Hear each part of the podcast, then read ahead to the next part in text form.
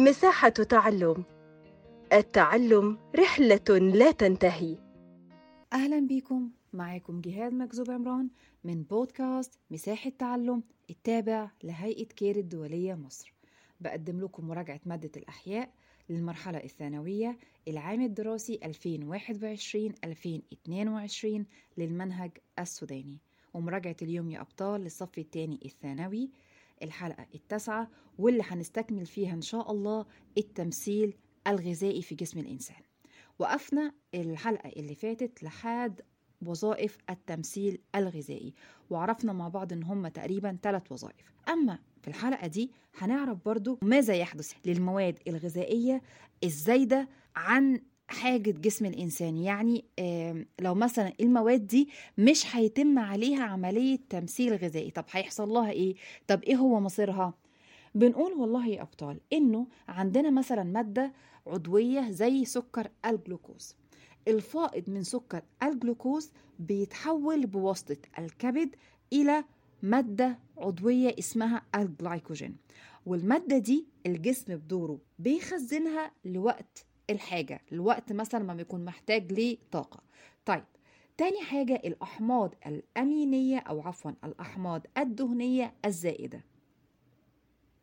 كذلك الأمر برضو هنلاقي إنه بيتم تحويلها بواسطة الكبد إلى مواد طاقية لحين استخدامها أو لحين اللزوم أو مثلا لما الجسم ما يكونش عنده مواد طاقية يبتدي إن هو إيه يستخدم المواد إيه الدهنية دي. الأحماض الأمينية اللي هي عبارة عن نسخة محولة من البروتينات الزائد منها بيحصل له إيه؟ قال والله الأحماض الأمينية ما بيحصلش لها لا تحويل تمام ولا تخزين ليه؟ لأن هي عبارة عن مواد سامة طب هيحصل لها إيه؟ طب هتفضل موجودة في الجسم؟ لأ بيحصل كالآتي إن برضو بواسطة وبمساعدة الكبد بيحولها إلى مواد. المواد دي بتكون أقل سمية تمام؟ طيب بعد كده هيحصل فيها إيه؟ هيحصل إن لما تتحول إلى مادة أقل سمية هتتحد مع مادة تانية وتديني مركب تالت. طيب لما هتتحول الأحماض الأمينية السامة إلى مواد أو أحماض أمينية أقل سمية الكبد بدوره هينزع منها آه النشادر وبعد كده هتتحد النشادر اللي إحنا بقى مش عايزينها الجسم مش عايزها مع غاز ثاني أكسيد الكربون والاتنين مع بعض هيكونوا عندي مركبين. مركب اسمه اليوريا والمركب الآخر اسمه حمض اليوريك. والاتنين دولت بيخرجوا خارج جسم الإنسان على شكل البول بواسطة الكلى. تمام؟ يبقى دي كان إيه هي الآلية أو ماذا يحدث للمواد الفائضة عن حاجة جسم الإنسان؟ تمام؟ في عملية التمثيل الغذائي. طيب إزاي بقى الإنسان الجميل ده يحافظ على صحة غذائه؟ نفتكر كده إن مدرسينا العظام في الفصول قالوا لنا إيه؟ قالوا لنا إن أهم حاجتين لازم ال ال نحافظ بيهم أو من خلالهم على صحة جسم الإنسان إن إحنا نبعد عن مسببات أمراض الجهاز الهضمي ونعرف إيه هي طرق الوقاية للجهاز الهضمي. طيب ولما نعرف إيه هي مسببات أمراض الجهاز الهضمي هنعرف إزاي برضو نعمل وقاية للجهاز الهضمي. طيب أهم المسببات اللي بتسبب عندي أمراض الجهاز الهضمي زي فكرة مين؟ زي فكرة الطفيليات. عارفين طبعا الطفيليات؟ اللي هي بتكون حاجة كده زي حيوانات أولية أو حيوانات بدائية. عندي أول نوع من أنواع الطفيليات دي هي ديدان الإسكارس. تفتكروها كده؟ أيوة كانت ديدان الإسكارس. وديدان الإسكارس دي كانت ممكن كمان يكون معاها حاجة تانية زي مثلا ديدان الأنتاميبا أو الأنكليستوما أو الديدان الشريطية. دول كلهم مع بعض كانوا عندي بيسببوا إيه؟ بيسببوا أمراض الجهاز الهضمي. تاني مسبب في أمراض الجهاز الهضمي هي الأوليات زي فكرة إيه؟ زي فكرة نوع من الطفيليات اسمها ركزوا في الاسم الأنتاميبا هيستولوتيكا وليها اسم تاني ممكن يكون أسهل شوية الدوسنتاريا الأميبية طيب في عندي نوع تاني من الأوليات زي الانتاميبا جارديا. يبقى يجيب لك كده في الامتحان من الطفيليات المسببة لأمراض الجهاز الهضمي الأوليات زي الانتاميبا هيستولوتيكا أو الدوسنتاريا الأميبية وتاني حاجة الانتاميبا جارديا. حلو قوي يا. تالت مسبب زي البكتيريا. بكتيريا تسمم الغذاء واللي هي اسمها بكتيريا الكوليرا. عافانا الله جميعا. وعندنا نوع آخر من البكتيريا اسمه البكتيريا الديزونتارية الباسيلية أو ديزونتاريا أو البكتيريا الباسيلية يعني الباسيلية ال bacilli اللي هي العصوية على شكل عصيات. تمام؟ يبقى دولت كانوا مسببات أمراض الجهاز الهضمي.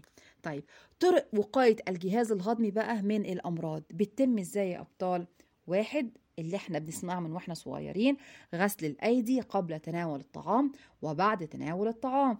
اتنين تغطية الطعام والشراب لحمايتها من خطر الذباب.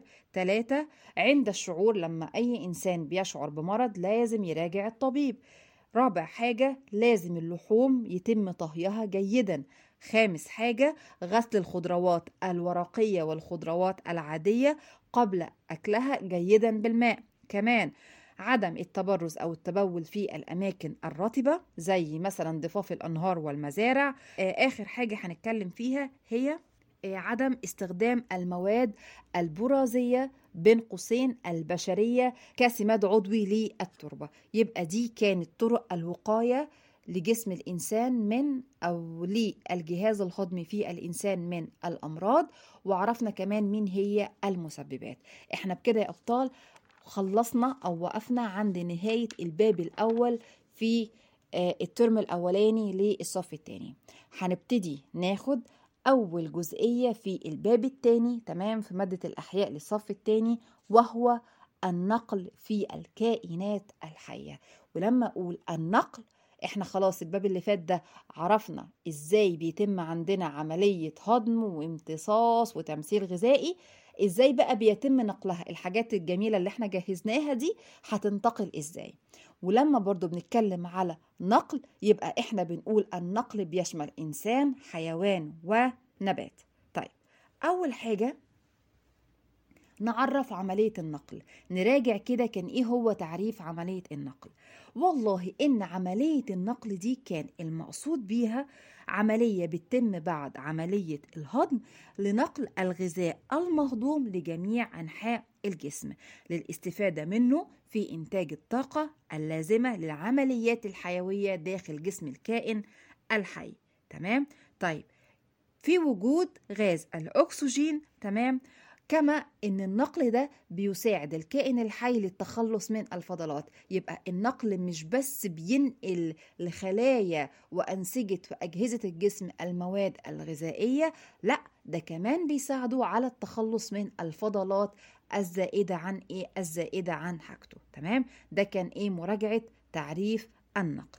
طيب أول جزئية وهي النقل في النباتات. النقل في النباتات يا أبطال بتتم من خلال الأنسجة تمام؟ الوعائية الناقلة حاجة كده زي الأوعية الدموية في جسم الحيوانات أو في جسم الإنسان تمام؟ طيب مين هو بقى الوعاء الناقل أو مين هو النسيج الناقل؟ عندي نوعين من الأنسجة في النبات حاجة اسمها النسيج أو نسيج اللحاء وحاجة اسمها نسيج الخشب. ناخد بالنا هو مش خشبي هو بس اسمه كده اسمه نسيج الخشب.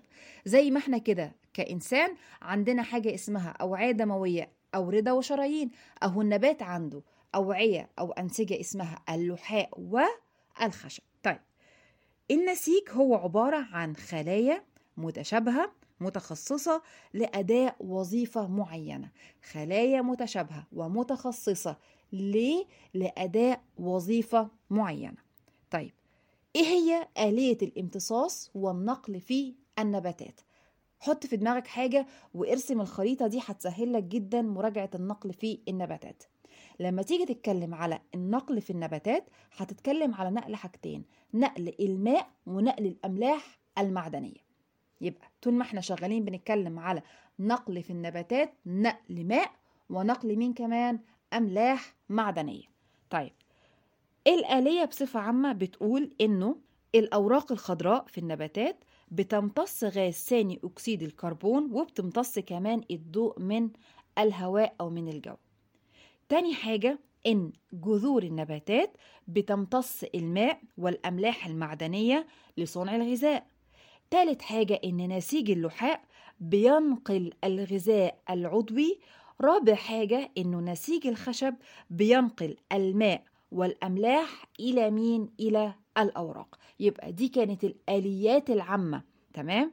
الأوراق هتعمل إيه؟ الجذور هتعمل إيه؟ اللحاء هيعمل إيه؟ وآخر حاجة الخشب هيعمل إيه؟ طيب لو جينا نشوف مثلا الخشب نسيج الخشب. الخشب زي ما إحنا قلنا إن هو بيقوم بنقل آه، الماء والأملاح المعدنية إلى الأوراق. طيب تعالوا كده نشوف بالظبط عملية نقل الماء هتتم إزاي. أول حاجة عن طريق امتصاص الماء.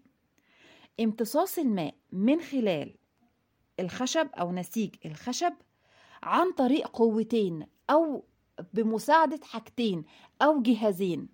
أول واحد اسمه الضغط الأزموزي وتاني حاجة اسمها قوة التشرب نوع من أنواع الضغط بيتم ما بين نسيج الخشب والتربة وتاني حاجة قوة التشرب برضو ما بين التربة وما بين مين؟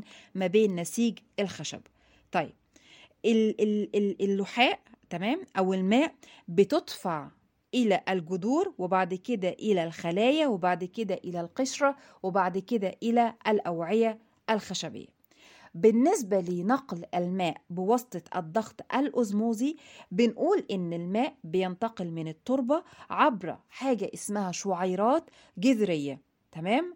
اللي من خلال يعني برضو الشعيرات الجذرية من خلال أغشية تمام؟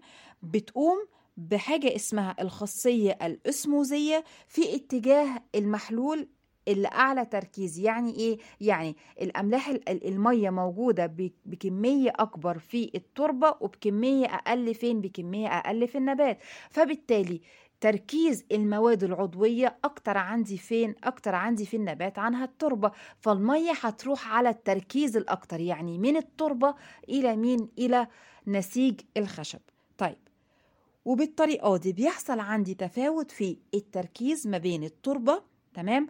ومحلول الشعيرات الجذرية.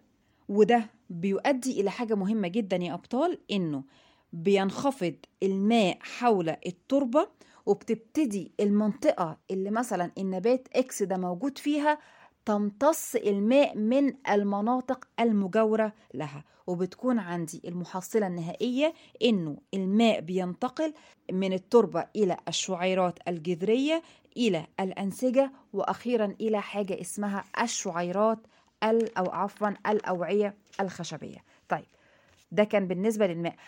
كبيرة شوية بس لو نذاكرها على شكل أسهم هتبقى سهلة جدا علينا إن شاء الله في المراجعة. طيب تاني حاجة قوة التشرب. بتحصل إزاي؟ إنه نسيج الخشب بيتشرب الماء فحجمه هيزيد. أنت لو عندك شباك خشب والدنيا شغالة تمطر عليه حجمه هيزيد. طيب هيحصل إيه؟ هيجي يبتدي المية الماء تخش بين الأجزاء الدقيقة أو جسيمات جدار أو جذر الخشب. فهيبتدي إنه الجسيمات دي تبتعد عن بعضها. الحجم كده هيزيد زي ما إحنا اتفقنا مع بعض.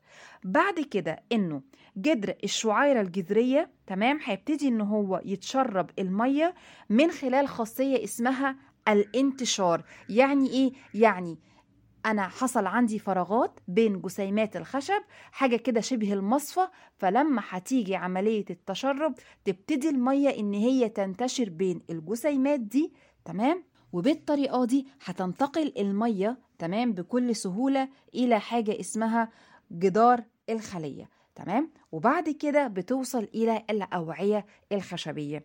تسهيلا عليكم عندكم الكتاب بالظبط كده صفحة 58 في رسمة جميلة جدا كمان بترقيم بتوضح عملية تشرب الماء في آه، نسيج الخشب. يبقى إحنا كده أول جزئية في النقل عرفنا تعريف النقل وتعرفنا على أول حاجة خالص النقل في النباتات وعرفنا كمان النقل بيتم إزاي في آه، نسيج الخشب وهو نقل الماء كمان بشكل أوضح يعني من خلال قوتين قوة اسمها الضغط الأزموزي والقوة التانية اسمها قوة التشرب. إن شاء الله نستكملها مع بعض في أو نستكمل يعني البقية في الحلقات الجاية. دمتم يا رب بتفوق وبصحة وبسلام. شكرا لكم جدا. كنت معاكم أستاذة جهاد.